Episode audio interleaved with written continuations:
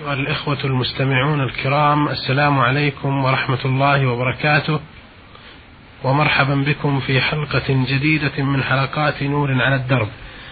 في هذه الحلقة يسرنا أن نعرض ما وردنا من رسائل على سماحة الشيخ عبد العزيز بن عبد الله بن باز الرئيس العام لإدارات البحوث العلمية والإفتاء والدعوة والإرشاد. وأولى رسائل هذه الحلقة وردتنا من المستمع أحمد إبراهيم أحمد من محافظة منيا القمح من جمهورية مصر العربية. يقول أنا أعمل في المملكة منذ سنة وعند نزولي إلى البلد وجدت زوجتي طلقت طلاقا شرعيا وأنا لم أطلقها لأن لي منها ثلاثة أولاد. والآن طلقت فماذا أفعل؟ أفيدوني بارك الله فيكم. بسم الله الرحمن الرحيم. الحمد لله وصلى الله وسلم على رسول الله وعلى آله وأصحابه ومن اهتدى بهداه. أما بعد فالطلاق الذي يصدر من المحاكم الشرعية هي المسؤولة عنه وله أسباب قد يكون لأجل عدم قيام الزوج بالنفقة أو لأسباب أخرى فعليك أن تراجع القاضي الذي طلقها وهو يفيدك عن الأسباب. نسأل الله للجميع التوفيق. نعم. بارك الله فيكم. هذه رسالة أيضا وردت من السائل ألف ميم عين مدرس مصري معار بالجمهورية العربية اليمنية. يقول في ظروف طارئة مع زوجتي وكنت في لحظة يأس وغضب بعدما حصل بعدما حصل منها صدر مني يمين وقلت علي الطلاق لازم أتزوج ولو على آخر يوم من عمري. وكانت النية صريحة وأنا في لحظة غضب. ما حكم هذا اليمين؟ إذا كان المقصود من هذا التأكيد على نفسك أنك تتزوج وإغاظتها في ذلك وليس قصدك إفراقها إن لم تتزوج فإن هذا حكم حكم اليمين.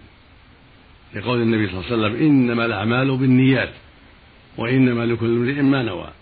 فإذا كنت أردت بهذا تأكيد على نفسك أنك تتزوج ولو لم ترضى الزوجة وإنما أردت بهذا التأكيد. ولم تقصد أنك إن لم تتزوج فهي مطلقة. إنما أردت التأكيد على نفسك هذا حكم حكم اليمين وعليك كفارة اليمين. وما دمت أردت ولو في آخر حياتك الأمر في هذا فيه سعة. نعم. بارك الله فيكم. آه يضيف أيضا ويقول صدر مني يمين قبل ذلك وأنا في لحظة غضب أيضا بسبب امتناعها عن حقوقي الشرعية. وللعلم بأنني رزقني الله منها بولدين وأربع بنات وإذا فعلت ذلك أظنه يشير إلى الزواج. سأكون السبب في تشريد هذا هؤلاء الأولاد وضميري لا يسمح بذلك فهل علي كفارة أو ماذا أفعل؟ إذا كان المقصود السؤال الأول نعم. وأنك طلقت أنك تزوج ولو في آخر حياتك فأنت بالخيار. إن شئت تزوجت ووفيت بيمينك وإن شئت كفرت عن يمينك.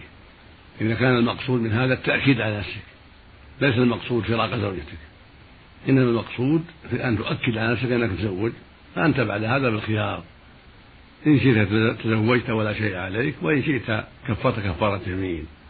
ولا شيء عليك. نعم. بارك الله فيكم. آه هذه رسالة وردتنا من العراق من بغداد من المستمعة لقاء محمد لطيف. تقول في رسالتها في حالة إذا ما بعثت الأم ابنها إلى السوق وأوصته بشراء حاجات ما وأعطته مبلغا من المال واشترى الابن الحاجات وزاد من المال بعض النقود فهل حرام عليه أخذ هذا المال دون علمها مع أنه مال والدته ويحق له كما سمعت من الناس أن يتصرف به أو يأخذ من جيبها مثلا أو من حقيبتها دون علمها أفيدوني بارك الله فيكم. ليس له أن يأخذ الفاضل إلا بإذنها فهو وكيل وأمين فعليه أن ينفذ ما قالته والدته أو قاله والده أو غيرهما ممن وكله. وليس له يأخذ الفاضل بل عليه يرد الفاضل إلى من وكله سواء كان الموكل أمه أو أباه أو غيرهما. وليس له يأخذ الزيادة وليس له يأخذ من مال أمه إلا بإذنها ولا من مال أبيه إلا بإذنه. ليس له التصرف في أموالهما إلا بإذنهما. اللهم إلا ليكون فقيرا وأبوه قصر ولم ينفق عليه وليس له من ينفق عليه سوى أبيه مثلا فهذا له يأخذ من مال أبيه أو مال أمه ما قصروا عليه ما قصر عليه في النفقة. إذا كان في نفقتهما وفي عيالهما وهو عاجز ليس عنده قدرة على التسبب وليس عنده مال وهو في حضانة أمه أو أبيه فعليه ما ينفق عليه النفقة المعتادة المعروفة في مثل بلدهما وفي أمثالهما. فإذا قصر عليه فله يأخذ من ذلك بالمعروف يأخذ من مالهم من مالهما بالمعروف قدر حاجته فقط. أما إذا أرسلاه بمال ليشتري حاجة ليس له يأخذ الزيادة بل يرد الزيادة. نعم. بارك الله فيكم. تسأل أيضا وتقول ماذا أوصى الرسول الكريم صلى الله عليه وسلم آه، بالقول والدعاء بعد كل صلاة لغفران الذنوب وكسب الأجر وقضاء الحوائج؟ النبي صلى الله عليه وسلم أوصى بالدعاء في آخر الصلاة. لما علم الصحابة التحيات قال ثم ليختار من الدعاء أعجبه إليه فيدعو. وفي لفظ قال ثم ليختار من المسألة ما شاء وحرض المسلمين على الدعاء في كل وقت فالدعاء مطلوب.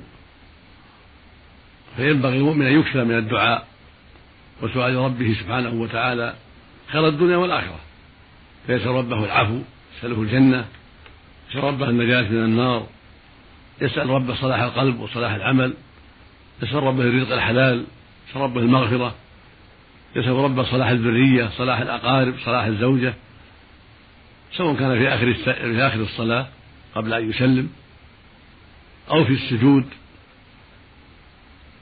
يقول النبي صلى الله عليه وسلم أقرب ما يكون العبد من ربه وهو ساجد فأكثر الدعاء. ويقول صلى الله عليه وسلم أما الركوع فعظموا فيه الرب وأما السجود فاجتهدوا في الدعاء فقمن أن يستجاب لكم يعني حري أن يستجاب لكم. ودعا بعد الصلاة صلى الله عليه وسلم اللهم اغفر لي ما قدمت وما أخرت وما أسررت وما أعلنت وما أسررت وما أنت أعلم مني أنت المقدم وأنت المؤخر لا إله إلا أنت. وأوصى معاذ أن يقول في آخر الصلاة اللهم أعني على ذكرك وشكرك وحسن عبادتك وأمر بأن يستعيذ المؤمن في آخر الصلاة من عذاب جهنم ومن عذاب القبر ومن فتنة المحيا والممات ومن فتنة المسيح الدجال. وكان يكثر أن يقول ربنا آتنا في الدنيا حسنة وفي الآخرة حسنة وقنا عذاب النار. وهذا الدعاء وأشباهه يكون في آخر الصلاة ويكون بعد الذكر بعد السلام ويكون في كل وقت. لكن الأفضل يكون قبل السلام. تكون هذه الأدعية قبل السلام هذا أفضل. ثم يسلم. نعم. بارك الله فيكم وجزاكم الله خير. وهذه رسالة وردتنا من السائلة هدى علي محمد من اليمن الجنوبي محافظة لحج. تقول في رسالتها هل يجوز للفتاة المصلية أن تنطب حاجبيها؟ هكذا كتبت رغم أني شابة مصلية وأؤدي الصلاة في أوقاتها. ولي صديقة تؤدي الصلاة وتنطب حاجبيها وقد قلت لها إن هذا حرام فقالت لا ليس حراما لأن الحاجب زينة المرأة فهل هي مخطئة أم مصيبة؟ أفيدوني أفادكم الله. الحاجبان لا يجوز نتفهما ولا نقشهما بالنقاش.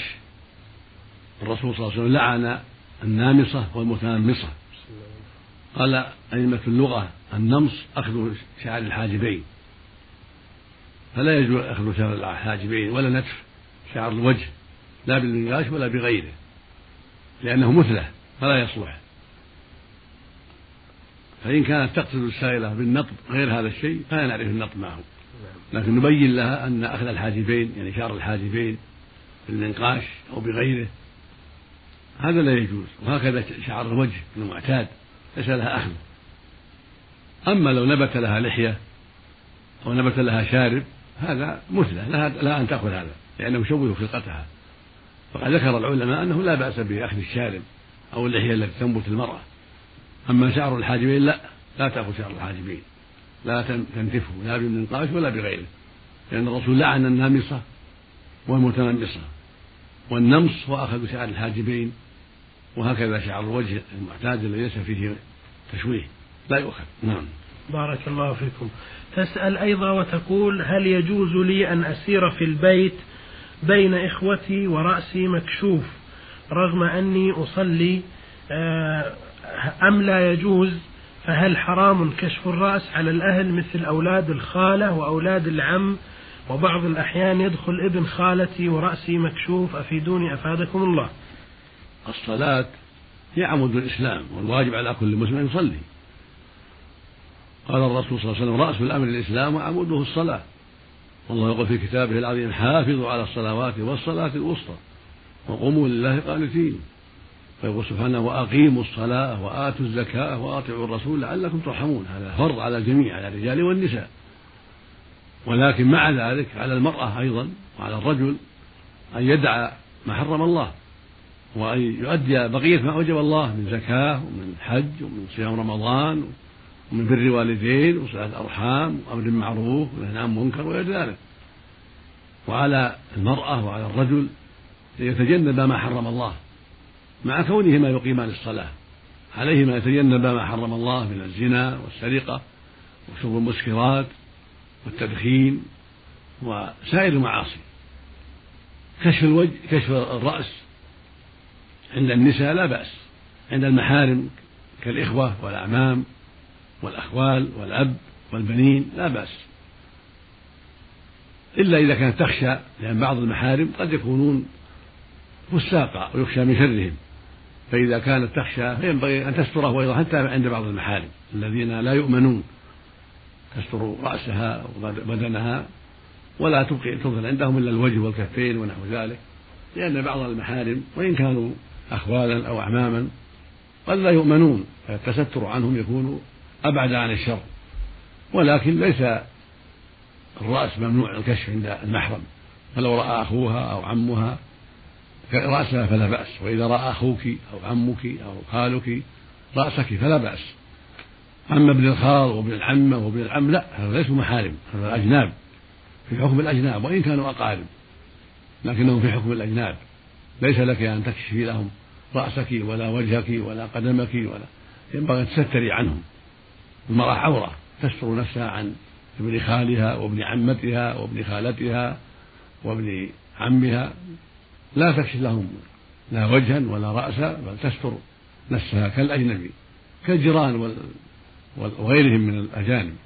عليك أن تستري عنهم وتكلميهم بكلام طيب لكن مع الستر مع الحجاب. لأن الله يقول سبحانه وإذا سألتمون متاعا فاسألون من وراء حجاب. قال سبحانه ولا يبدين زينتهن إلا لبعولتهن أو آبائهن أو آباء بعولتهن أو أبنائهن أو أبناء بعولتهن أو إخوانهن أو بني إخوانهن أو بني أخواتهن. الآية هؤلاء هم المحارم. أما ابن الخال وابن الخالة وابن العم وابن العمة فليسوا محارم. فعليك الحجاب عن هؤلاء. ولكن الكلام لا بأس. السلام عليهم ورد السلام.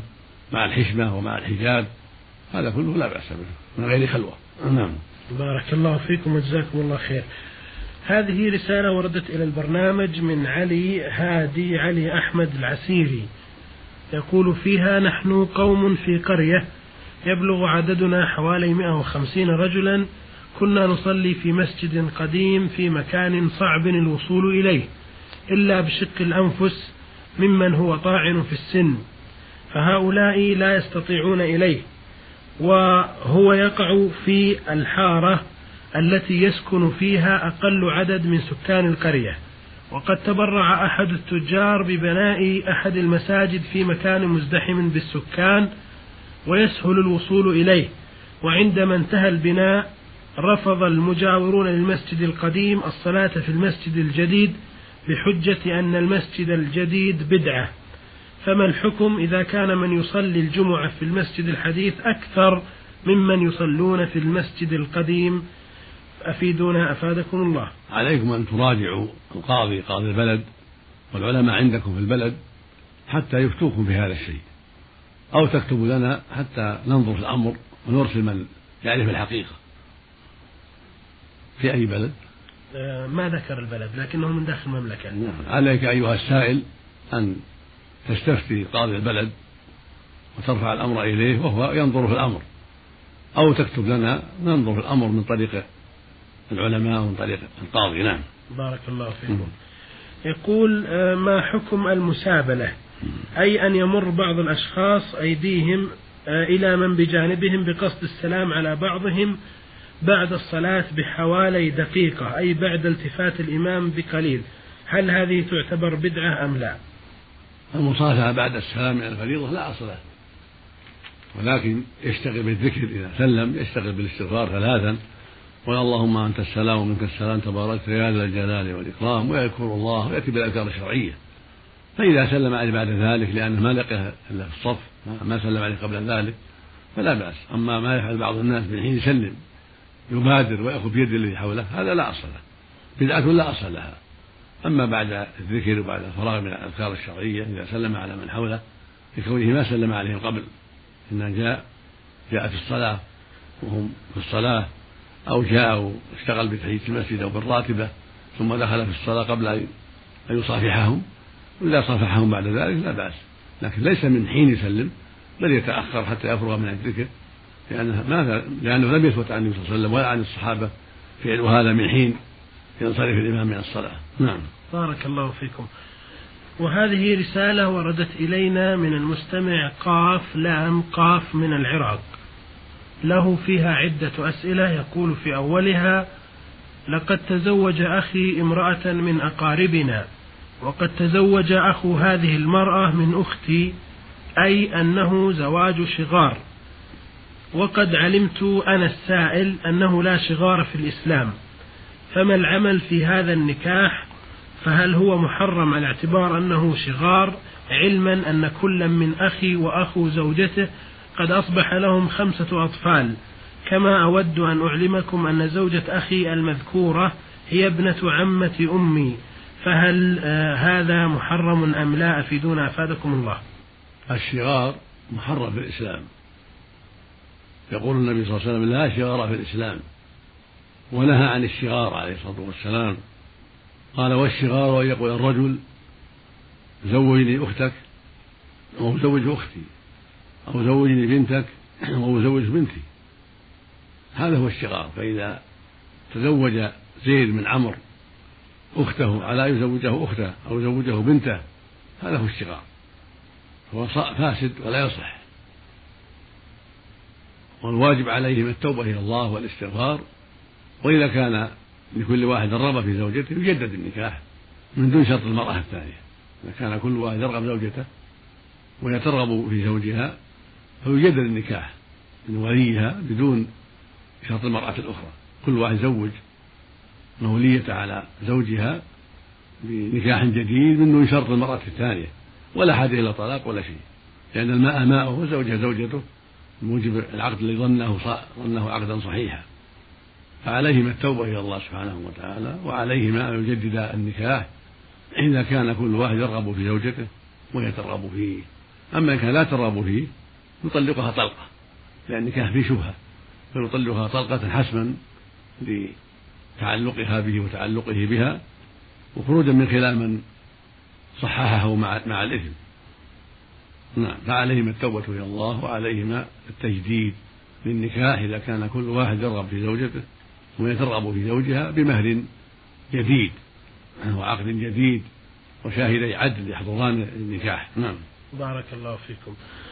يسأل أيضا ويقول أمي تصلي الصلوات الخمس وحتى السنن تصليها كاملة بما فيها الضحى والوتر ولكن في يوم الجمعة لا تصلي إلا في الجامع الذي يبعد حوالي تسعة كيلو مترات آه، وأنا أنصحها بأن صلاة المرأة في بيتها هي الأحسن وحتى صلاة الجمعة أيضا في البيت هي الأحسن والأصوب للمرأة لكنها تأبى إلا الذهاب في الجمعة إلى الجامع.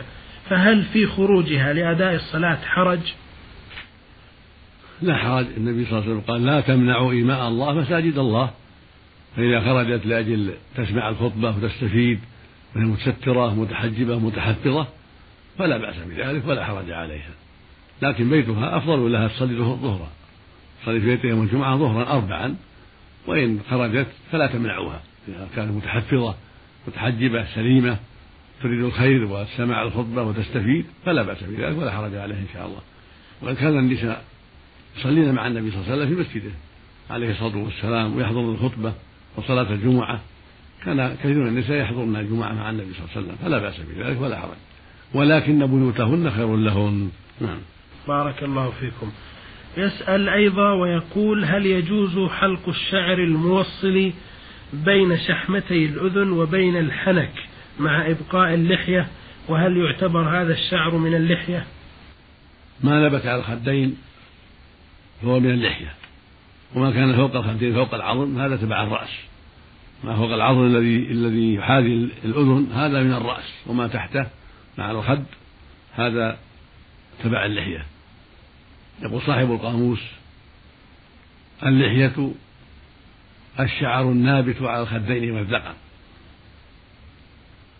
فيترك الشعر على الخدين وعلى الذقن لأنه اللحية. نعم.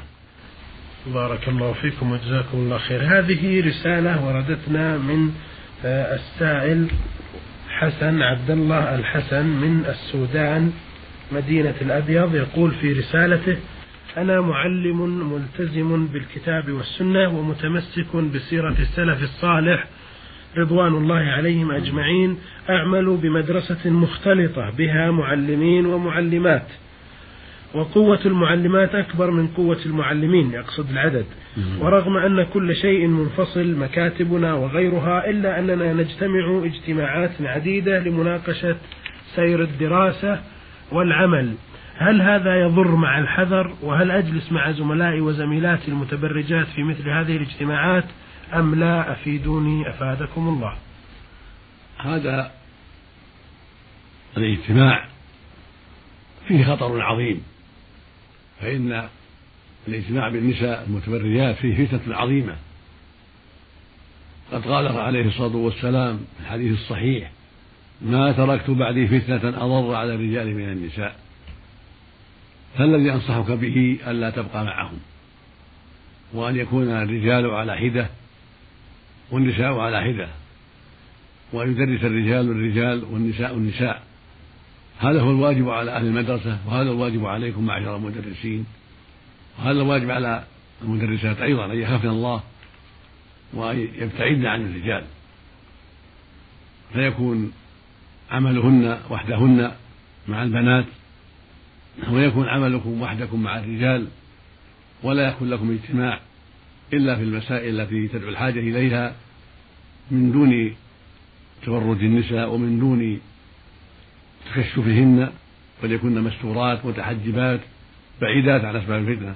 عند الحاجة إلى سؤالهن عن شيء أو إفادتهن بشيء أو نصيحتهن أو نحو ذلك.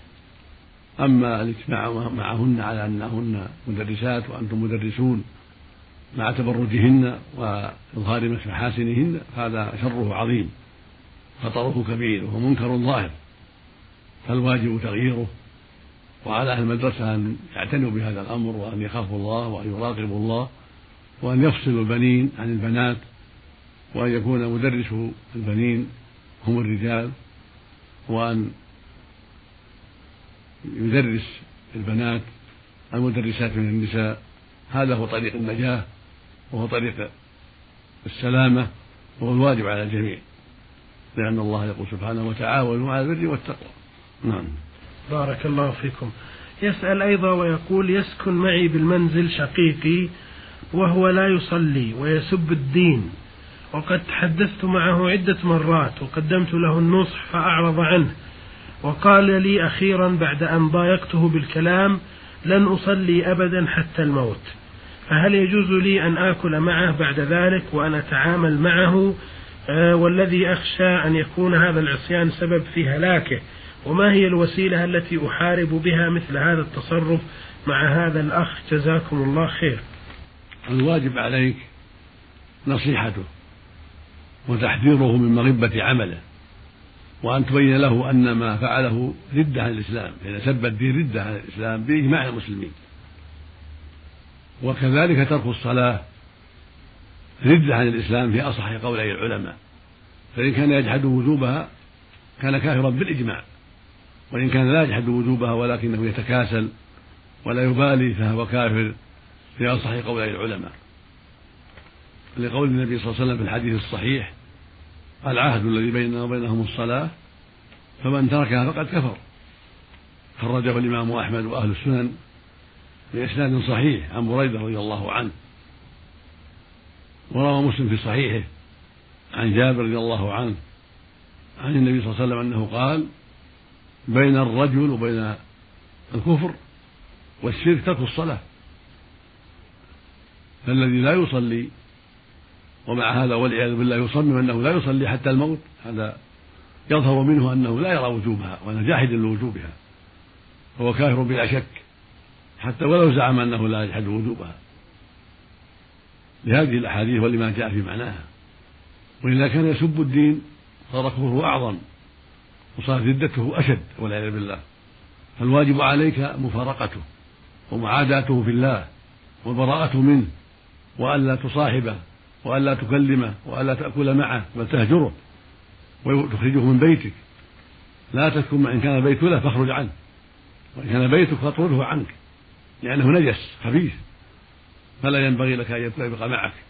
بل لا تطرده إن كان في بيتك أو تخرج من بيته إن كان البيت له. وتسأل الله له الهداية بينك وبين ربك. لعل الله يهديه بأسبابه. وأما البقاء معه فلا أبدا. لا يصاحب ولا تؤكل وليمته ولا تجاب دعوته ولا يبقى معك في محلك لأنه خبيث الحال نجس المقال والعقيدة فيجب فينبغي لك أن تحاربه وأن تبتعد عنه. وإذا كانت البلاد فيها حكم إسلامي يرفع بأمره إلى ولي الأمر حتى يستتاب فإن تاب وإلا يقتل. لأن الله يقول سبحانه فإن تابوا وأقاموا الصلاة وآتوا الزكاة فخلوا سبيلهم. فدل على أن الذي لا يصلي لا يخلى سبيله بل يقتل إن لم يتب. نسأل الله له الهداية نسأل الله له الهداية ونسأل الله لك العون عليه بالحق والصدق والهدى.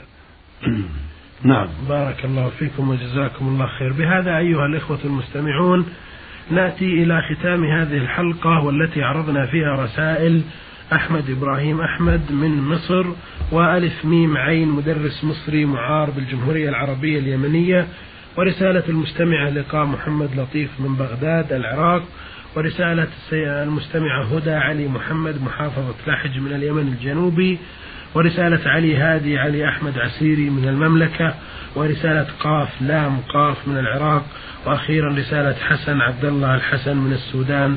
مدينة الأبيض. شكرا لسماحة الشيخ عبد العزيز بن عبد الله بن باز على إجاباته وشكرا لكم على حسن استماعكم ولكم تحية من الزميل بخيت, بخيت الدوسري من الهندسة الإذاعية. والسلام عليكم ورحمة الله وبركاته.